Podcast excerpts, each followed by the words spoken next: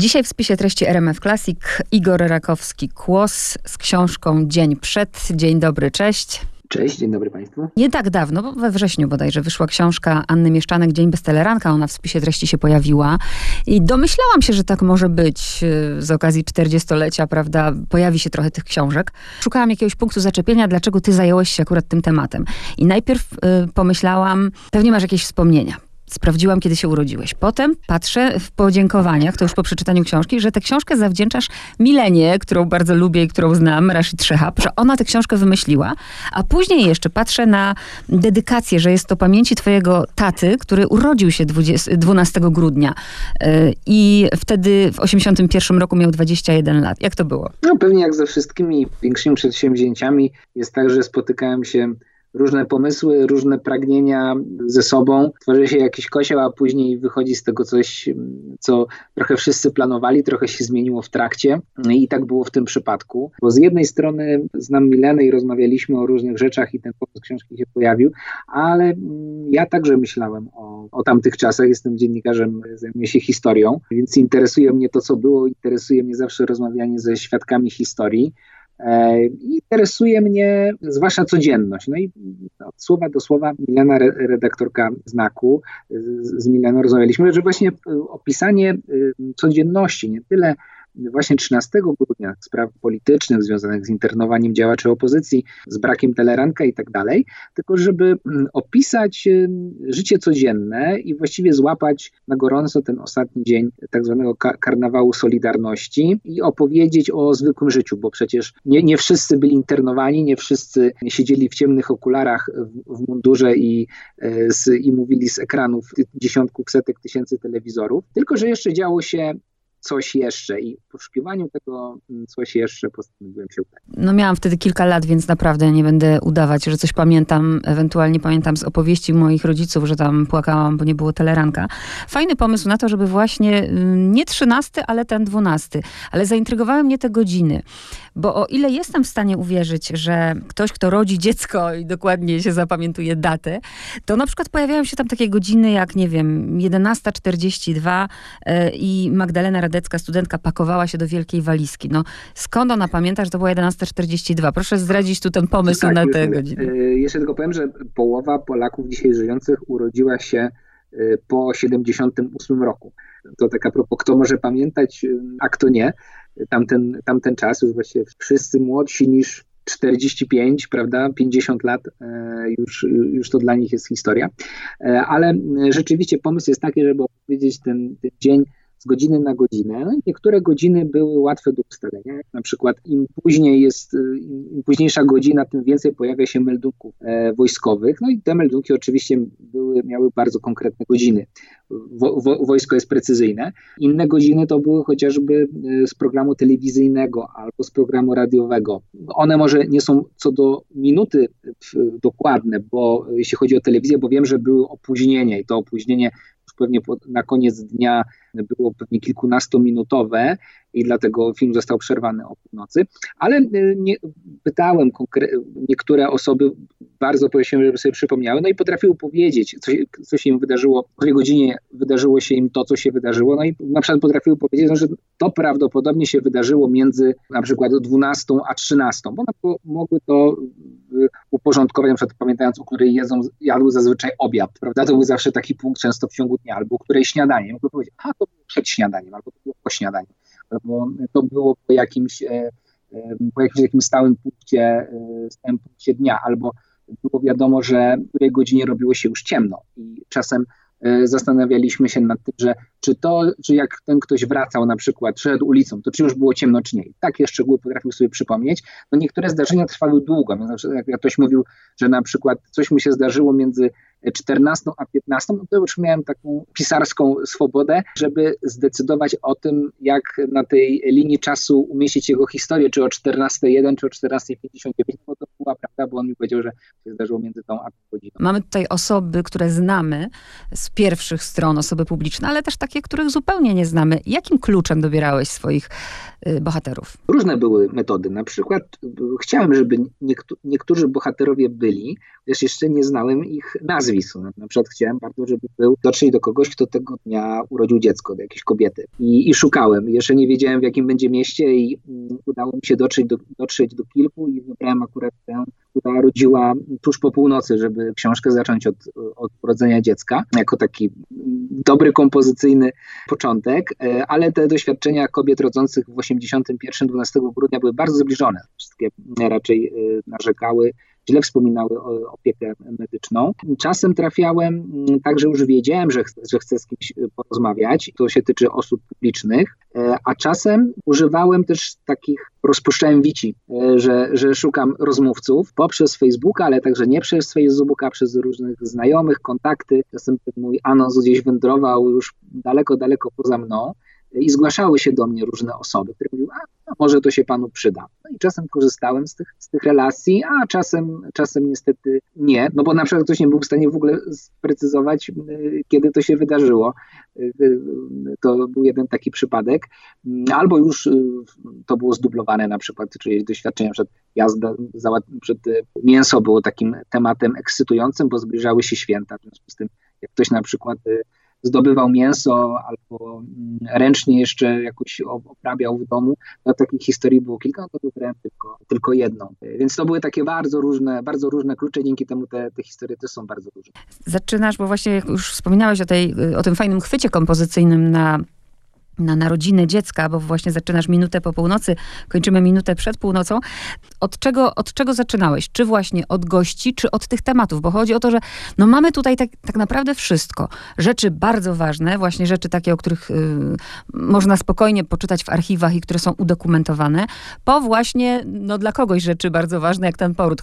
Tak, y, więc w trakcie, w trakcie pisania starałem się koniec końców wszystko tak wyważyć, czyli żeby y, na każdą godzinę przypadało jakieś y, zdarzenie, ale w trakcie pracy na przykład dochodziło do takiej sytuacji, myślałem, tak, kolejna ciekawa historia, ale ona się za późno dzieje, albo za wcześnie, mam tyle z rana, albo tak dużo nagle zaczyna być tych historii wieczorem, a przecież wieczorem jeszcze dojdzie, dojdą ruchy wojska, to już nie chcę, żeby coś się przydarzyło wieczorem, niech się komuś wreszcie coś przydarzy, coś rano.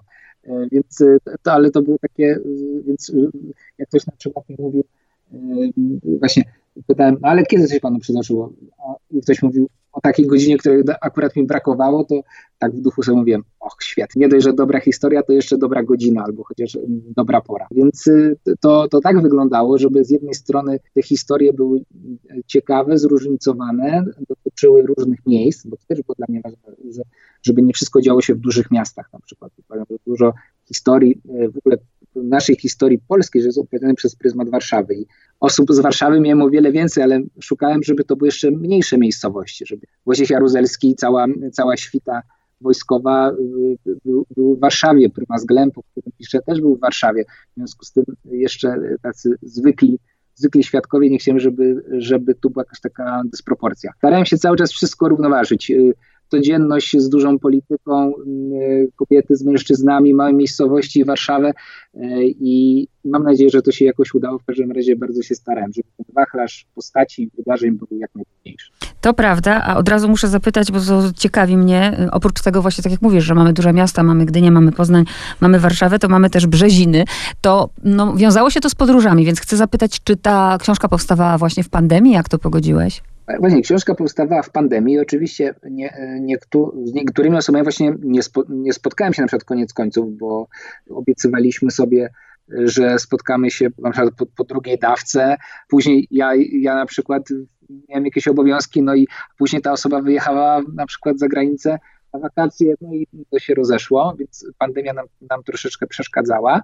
Dużo, dużo rozmów przeprowadziłem zdalnie. Znałem tylko te postaty moich bohaterów z ekranu komputera, ale to pomogło, bo to na przykład mogłem często szybko zweryfikować, czy, czy jakaś rozmowa jest interesująca, bo wiele rozmów, które odbyłem, no nie znalazły się na kartach książki. Więc jazda na przykład byłem wiele, wiele kilometrów na darmo, pewnie byłbym wtedy rozgoryczony. Zdarzyła mi się taka historia, że zgłosił się do mnie ktoś i powiedział mi, że żebym do niego przyjechał i opowie mi o czymś, ale w ogóle nie chciał powiedzieć na jaki temat. Nawet, nawet ogólnie, czy nie, może to było jakieś przestępstwo, nie chciał, ale w ogóle nie, nie chciał o tym ani telefonicznie, ani e, przez komputer, przez Skype'a mi o tym powiedzieć, tylko żebym przyjechał. No ale to było 500 kilometrów i jakaś w ogóle, y, jakaś, jakaś mała miejscowość i że na przykład zrezygnowałem, bo obawiałem się, że stracę bardzo dużo czasu, a tam będzie na przykład tylko jakiś kawalarz. E, ale dzięki temu, że rozmawiałem przez, przez Skype'a, to udało mi się też porozmawiać z bohaterami, którzy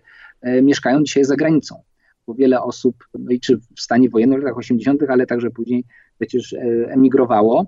E, jednym z moich bohaterów, Mirek Soliwoda, który mieszkał właśnie w mojej miejscowości w 1981 roku, no, dzisiaj mieszka w Szkocji i e, udało mi się znaleźć do niego kontakt. Bardzo się zdziwił, bo napisał list do, do świata młodych, który został właśnie opublikowany w ostatnim numerze przed wybuchem stanu wojennego e, i postanowiłem dotrzeć do tego chłopaka, który okazało się, że mieszka w Szkocji. Właśnie a propos tego Soliwody, już mi odpowiedziałeś na pytanie, bo byłam ciekawa, jak do niego trafiłeś, bo to nie, niezwykły w ogóle chłopak. To, co też mi e, się bardzo podobało, to słuchaczom też mówię, że mamy wycinki z prasy, prawda? I mogłeś sięgnąć, oczywiście to, że tam dziennik ludowy się pojawia, okej, okay, ale wiesz, zaskoczyłeś mnie, że sięgasz do pism, które ja czytałam jako dziewczynka, do Filipinki, do przyjaciółki, że właśnie do tych gazet też zaglądasz. Dlaczego? Bo oczywiście świadkowie są bardzo ważni, ale też pamiętajmy, że ludzka pamięć czasem wygładza kanty. To znaczy, to staramy się pamiętać to, co dobre raczej, no dzięki temu nam jest po prostu łatwiej żyć. I mm, szukałem e, w, w ówczesnych gazetach, zwłaszcza listów, listy do redakcji. To były dla mnie takie właśnie głosy świadków, którzy wówczas zapisali e, swoje doznania, swoje przemyślenia i uznałem, że to będzie świetne uzupełnienie wspomnień dzisiaj po 40 latach moich bohaterów. No i muszę powiedzieć, że to jest fascynująca, fascynujący gatunek e, prasowy, listy do redakcji, coś co dzisiaj już jest w kompletnym zaniku. E, I właśnie listy takich młodych osób, nastolatków albo dwudziestoparolatków w tamtym czasie i ich problemy, które, które mieli, no czasem wydawały się jakoś tak bliźniaczo podobne do tych problemów, które na przykład ma e, moje pokolenie. Dziewczyna, która ma 20 lat i zastanawia się nad emigracją, bo nie widziała, nie miała, nie, nie było stać się na mieszkanie, y, mieszkała z rodzicami i tak. uważała, że jedyną y, sposobem wyrwania się z jakiejś takiej finansowej matni jest emigracja zarobkowa. Tak samo jak zaskoczył mnie, dzisiaj to możemy kupować takie rzeczy, są specjalne kursy, książki coachingowe, a tu proszę, nie pamiętałam tego, to chyba, nie wiem, z przyjaciółki to jest tak, z przyjaciółki. Ten, jak związać koniec z końcem. Tak, a to się w ogóle nie wydaje aż takie bardzo odległe i też miałem taką refleksję, jak no pod, pod, pod pewnymi względami niektóre takie materiały prasowe tu zmieniły formę. Na przykład jest właśnie tabela, jak związać koniec z końcem, to związane z tym, że no, były nie, nie, niedobory, wiele budżetów domowych się nie dopinało i była taka tabela, gdzie są rozpisane wydatki na, dzielone na poszczególne produkty i, i, i przychody, zarobki, renty i tak dalej. No ale pomyślałem, pomyślałem sobie, że przecież dzisiaj też takie rzeczy istnieją, tylko że no nie produkują ich gazety, tylko są aplikacje, tak. które już nie są jak związać koniec z końcem, bo to brzmi dramatycznie, tylko raczej są aplikacje, prowadź swój budżet domowy, prawda, jak firmę, optymalizuj wydatki, panuj nad domowym budżetem i tak dalej, i tak dalej. I, i to jest, są takie aplikacje, tak. na ludzie na komórki, w smartfonach, ludzie z nich korzystają. I to było, to było ciekawe, że jak, jak różne rzeczy przy, przybierają inne formy, ale wciąż w naszym życiu istnieją. Dokładnie, to mnie też zaskoczyło. Tak samo jak mnie zaskoczyło i podejrzewam, że nie tylko mnie, ponieważ rozmawiałam też o tej książce z przyjacielem i dosłownie zwróciliśmy na to samą uwagę. Ciekawa jestem, co powiesz. Mianowicie, jednym z bohaterów twojej książki jest Waldemar Danilewicz, prawda, który budzi się y, u Kaczyńskich 12 grudnia 1981 roku z busiem na piersi, co mnie bardzo rozczuliło. I sposób... Y, no wiadomo, zostawiam się jak zadać to pytanie, ale nie, nie, o to chodzi teraz, żeby wiesz, tutaj uprawiać krytykę i tak dalej, ale pokazujesz Jarosława Kaczyńskiego zupełnie inaczej.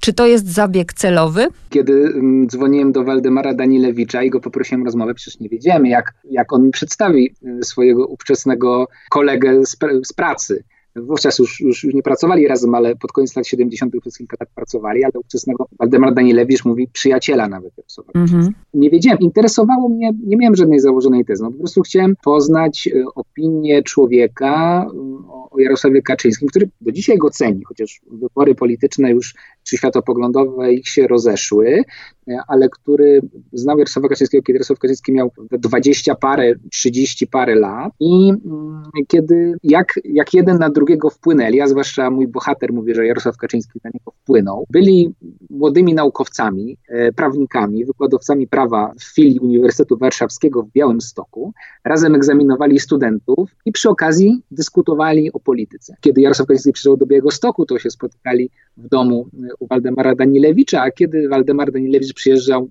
później na seminarium doktoranckie do Warszawy, to nocował u państwa Kaczyńskich i tam też rozmawiał z Jarosławem, ale rozmawiał też z Kaczyńskim i rozmawiał też z jego rodzicami. No cóż, to jest obraz zupełnie innego człowieka, chociaż jakieś tam oczywiście elementy charakterologiczne wciąż istnieją, no ale portret człowieka, którego, który dzisiaj ma bardzo dużo zwolenników, jeszcze więcej e, osób, które mu jak najgorzej życzą. To są e, protesty pod, przed jego domem, a wówczas był nikomu nieznanym, jak powiedział Waldemar Danielewicz, jak przyjechał, no taki niepozorny facecik z teczką. I pokazał człowieka, który wówczas był, który był Jarosław Kaczyński. Wydaje mi się, że to jakoś poszerza myślenie o tej postaci, no bo w ogóle wydaje mi się, że ludzie są skomplikowani i złożeni, a zwłaszcza jeszcze w trakcie życia coś im się przydarza i też to wpływa na ich postawy, na ich wybory. To jest akurat migawka, kim był Jarosław Kaczyński pod koniec lat 70. czy w 81 roku i wydaje mi się, że to może zaciekawić zarówno zwolenników, jak i przeciwników prezesa PiSu. To mnie zaskoczyło, tak samo jak mnie zaskoczyło, ciekawa jestem, czy,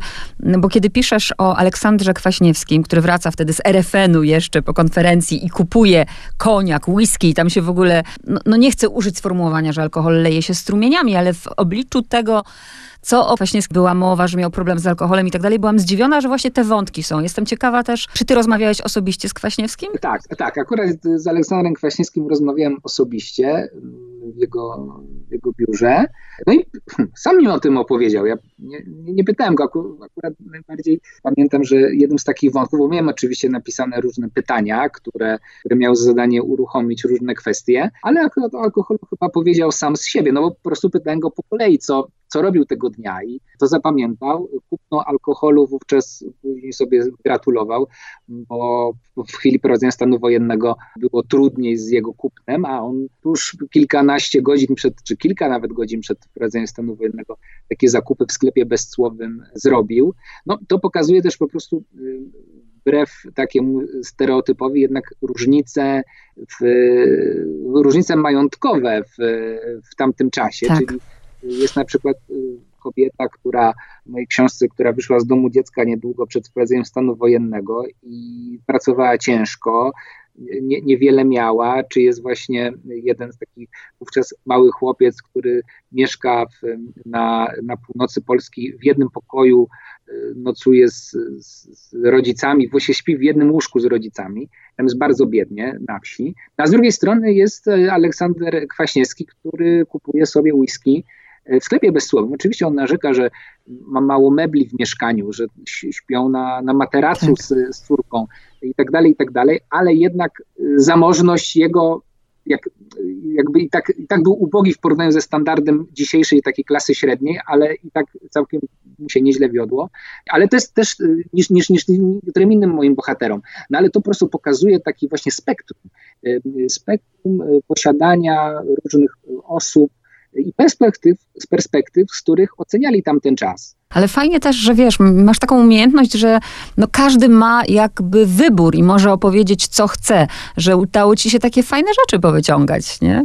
No tak, cieszę się i w ogóle też nie rozmawialiśmy, z, nie rozmawiałem z tymi osobami, z większością na tematy bieżące, chociaż to czasem wychodziło, ale no, to muszę powiedzieć, że to są zwolennicy na różnych ugrupowań. Wiem, że jeden z moich bohaterów to jest na przykład y, zwolennik, a być może chyba nawet działacz Konfederacji, no ale nie rozmawialiśmy o tym, e, o jakichś różnicach między nami, no bo to, co mu się przydarzyło wówczas, no też może jakoś wpłynęło na niego, ale ważne, żeby był świadkiem. No, są, są osoby, które pewnie głosowały na, na, na Platformę Obywatelską, są takie, co, co bardziej mają lewicowe poglądy, więc starałem się i się cieszyłem, im większa ta, ten zakres osobowości był, tym byłem bardziej zadowolony. No, w ten sposób miałem poczucie, że, że to nie jest książka pisana pod tezę, tylko i że jest takim wielogłosem i z różnymi opiniami, nawet ja sam tam wyrażonymi w tej książce. Z niektórymi się zgadzam bardziej, a z niektórymi mniej. Tak. I to jest właśnie ogromna wartość tej książki, ta, ta różnorodność. Ja tutaj celowo nie pytam o, i też wielokrotnie już gdzieś opisywane o poranek Wojciecha Jaruzelskiego, i, e, tylko właśnie skupiam się też trochę na, na przykład bardzo mnie ciekawi, nie pamiętam teraz, e, musiałabym znaleźć e, nazwisko, na O, pamiętam, że na O. On był wtedy malutkim chłopcem i to było też w jakiejś malutkiej miejscowości gdzieś pod Olsztynem bodajże. Tak, Tomasz, Tomasz Owsianik. O właśnie, jak do niego który, trafiłeś? Tak, który był wówczas y, małym chłopcem, no i zapamiętał, że obudzi, obudziła go wtedy, kiedy na przykład jeszcze niektórzy może oglądali telewizję w wielkich miastach, a on, on zapamiętał, że jechały wozy opancerzone w kierunku Gdańska i ludzie z jego wsi zatrzymali te wozy opancerzone i częstowali żołnierzy jedzeniem, wódką, po prostu przychylnie wobec nich się zachowywali. On to zapamiętał, ale przy okazji mi też opowiedział o, mm, bo stan wojenny to jest jakby jedna warstwa książki, ale zawsze przy okazji opowiadania o 12 grudnia y, zawsze są, czy zazwyczaj są takie opowieści także trochę bardziej ogólne na temat wczesnego życia danej osoby. No i opowiedział mi o, o tym, jak, y, w co, w co się bawił jako taki chłopiec na wsi. No i to zawsze były jakieś takie biedne zabawy typu krótka węgla służąca jako, jako krążek w, przy, przy graniu w hokeja na jakiejś zamarzniętej sadzawce patykami. I to jest też taka warstwa książki, no właśnie taka obyczajowo codzienna, mówiąca o tamtym czasie przez pryzmat poszczególnych osób z różnych, z różnych środowisk, z różnych rodzin. Jak rozmawiałeś z Piotrem Najduchowskim, prawda, który wówczas był modelem. I gdyby nie ten stan wojenny, on by pewnie był w zupełnie innym punkcie życia. Ten stan wojenny pokrzyżował wszystkie plany, więc powiedz, czy on był, jak rozmawiałeś z nim, rozgoryczony? Nie, chyba nie był. Jest jeszcze, jest jeszcze inna postać, mm, bo on myślał, żeby koniec końców jednak wrócić do, do Polski i nie zajmować się e, modelingiem, ale była, jest, też, jest też postać Magdaleny Radeckiej, wówczas tak. młodej dziewczyny, która pakowała się do Francji, miała narzeczone, chciała się zaręczyć, bo miała już takiego poważnego chłopaka bo wyjechała na wakacje do Francji, tam poznała chłopaka i on bardzo dążył do tego, żeby się zaręczyli, a potem mogle, może wzięli ślub. I naciskał na nią, że sytuacja w Polsce jest taka bardzo napięta, żeby koniecznie pospieszyła się i przyjechała do Francji i z nim się zaręczyła. Ona wolała, przyciągała wyjazd, bo chciała uczestniczyć w strajku studenckim. Była taka bardzo rozpolitykowana, to dzisiaj jest. I no właśnie, i ten prezydent stanu wojennego sprawiło, że ani nie doszło do zaręczyn, nie do ślubu, ta relacja się rozpadła. Moja bohaterka wyszła później już za innego mężczyznę, mają dziecko. W związku z tym y, stan wojenny pokrzyżował plany wielu osobom, ich życie. To jest ciekawe, kiedy czasem myślimy sobie, że ja jestem poza polityką, to mnie nie interesuje i mamy ochotę na to czasem i nie ma co się dziwić, ale to jest ciekawe, że nawet osoby, które czasem myślą, to w ich życie y, potrafi mm, być wywrócone do góry nogami, no właśnie przez takie decyzje podejmowane bardzo, bardzo daleko od nich, na które nie mają wpływu. Zresztą podobnie było z moim tatą, który planował wyjazd za granicę, ale stan wojenny mu to uniemożliwił. Nieco później poznał moją mamę, ja się urodziłem, w związku z tym, no gdyby nie, to jest paradoks taki, no, ale gdyby nie stan wojenny, to być może mnie też nie było, bo mój tata by wyjechał za granicę i w ogóle inaczej potoczyłyby się y, jego losy i losy jego rodziny. A właśnie powiem ci, że historii twojego taty mi tutaj zabrakło. Yy, ta książka jest poświęcona pamięci mojego taty, dlatego że mój tata zginął w wypadku samochodowym, kiedy ja miałem 8 lat. I znam A, 8. Te, historie, mm. te historie y, z opowieści. To jest trochę też podróż do, do świata jego młodości, do, tak. do podróż do świata młodości jego pokolenia. Yy, moja mama jest niewiele młodsza i jakby poznanie tego, no, co wówczas robili ludzie, czym się interesowali, y, co czuli. No i a, może ta, y, ta dziennikarska robota miała także taką osobistą podszewkę, że mogłem odbyć z wieloma osobami rozmowy, y, które no, żyły w podobnym świecie, dorastały w podobnym świecie, co, co mój ojciec. Tak, ja zwróciłam uwagę, że właśnie pamięci, ale myślałam, że może właśnie rozmawialiście na ten temat, ale to rzeczywiście byłeś małym chłopcem. I też tę książkę, wiesz, może teraz pójdę w taki patetyczny ton, uderzę, ale historia zatacza koło. Niektóre rzeczy, o których tu czytałam, to tak jakby naprawdę takie mm, niestety podobne rzeczy się dzieją. I jak zobaczyłam na zdjęciu tę kobietę, tę ekspedientkę z, tym, z tymi kiełbasami na, na naręczach i tych ludzi patrzących i myślę o podwyżkach i o tym, co się teraz dzieje, to wiesz, czytałam tę książkę i cały czas tak zaklinałam, Boże, żeby, do takich, żeby to się nie powtórzyło. Tak, niektóre rzeczy dzieją się w trochę jakby innej konfiguracji, tak. niektóre, niektóre jeszcze się nie dzieją, nie można, też, też było ciekawe zobaczyć, jak co się zmieniło, na przykład właśnie Kościół katolicki miał wiele silniejszą pozycję w społeczeństwie, bo można powiedzieć, władza była na dystans do niego, dzisiaj raczej jest władza, y, ma pewien sojusz z Kościołem, wówczas była na dystans, a utrzymywał swoją siłę no, dzięki nie tyle poparciu władzy, co dzięki poparciu społecznemu. E, I to, to, to było ciekawe zobaczyć. E, język, język ówczesnych gazet też, też trochę e, miałem nierzadko mm, takie déjà i tak. propaganda antysolidarnościowa no była taka, że obozu rządzącego, że jednak Solidarność jest na żołdzie zagranicznych służb. Tak. No, w tym sensie, że na pewno za amerykańskie pieniądze Wałęsa i pozostali wzniecają niepokoje w Polsce. W związku z tym y, jakby hasło ulica i zagranica y, wówczas y, kierowane przeciwko Solidarności jakby funkcjonowało tak jak czasem dzisiaj, że wobec przeciwników politycznych stosuje się i dzisiaj i wówczas podobne zabiegi, czytanie tego no, powodowało u mnie taki nieprzyjemny nieprzyjemny dreszcz. Ja to bym mogła tak długo i długo, ale jeszcze chociaż te dwa pytania zadam. Jedno z ciekawości zupełnej, bo ja pamiętam, jak przeczytałam książkę Danuty Wałęsowej, to rzeczywiście z tej wypowiedzi, nawet w twojej książce, cały czas czuję tam taki, taki żal, trochę taką nostalgię, prawda? Żyliśmy razem, ale oddzielnie. I zaciekawiło mnie, czego, dlaczego Danuta Wałęsowa, a dlaczego nie Wałęsa? Ha, bo myślę, że mm, Lech Wałęsa już opowiedział bardzo wiele razy o tych, o tych zdarzeniach. Też on wówczas 12 y, grudnia było posiedzenie posiedzenie Komisji Krajowej, czyli tak.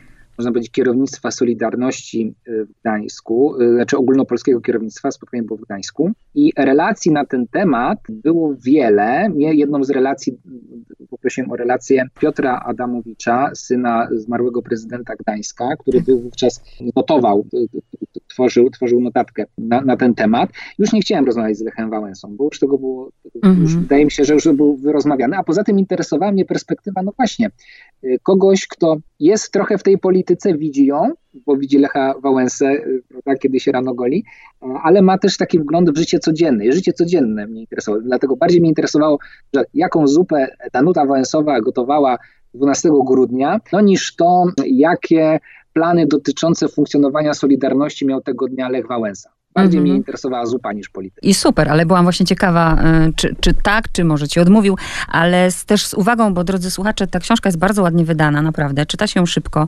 Dla mnie też ogromną wartością są właśnie te wycinki z pras, zdjęcia.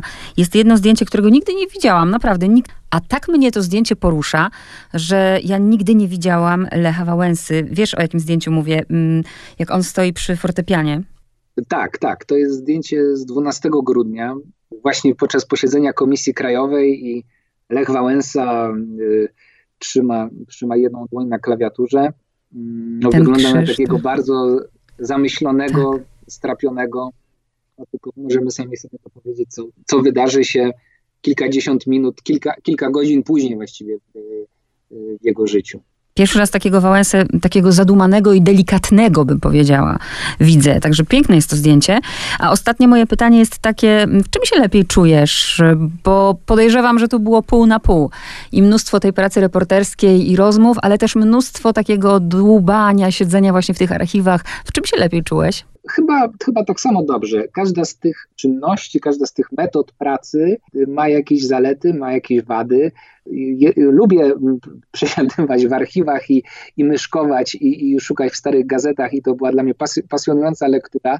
Uważam w ogóle, że te listy do redakcji to właśnie należałoby jakąś antologię na y, tysiąc stron wydać i czytać te listy, bo, bo są świetnym y, y, takim zdjęciem, taką klatką z, z tamtego czasu, a z drugiej strony rozmowa z żywymi ludźmi, którzy w trakcie rozmowy przypominają sobie kolejne szczegóły, kolejne historie, później dzwonią na przykład do mnie dzień później i mi, że w nocy jeszcze nie mogli spać i przypominali sobie jakieś, jakieś szczegóły. No to jest coś bardzo fascynującego i e, był kontakt z żywym człowiekiem. I te rozmowy też mi pokazały, że jest ogromna potrzeba opowiadania wśród nas o tym, co nam się przydarzyło i wydaje mi się, że kiedy nasi dziadkowie, nasi rodzice chcą opowiedzieć jakąś historię z zamierzchłych czasów, starajmy się ją zapamiętać, nie, nie przerywajmy im, bo, bo być może mogą nam to opowiedzieć już tylko, tylko nam i my możemy przechować jakąś fascynującą y, y, historię rodzinną, która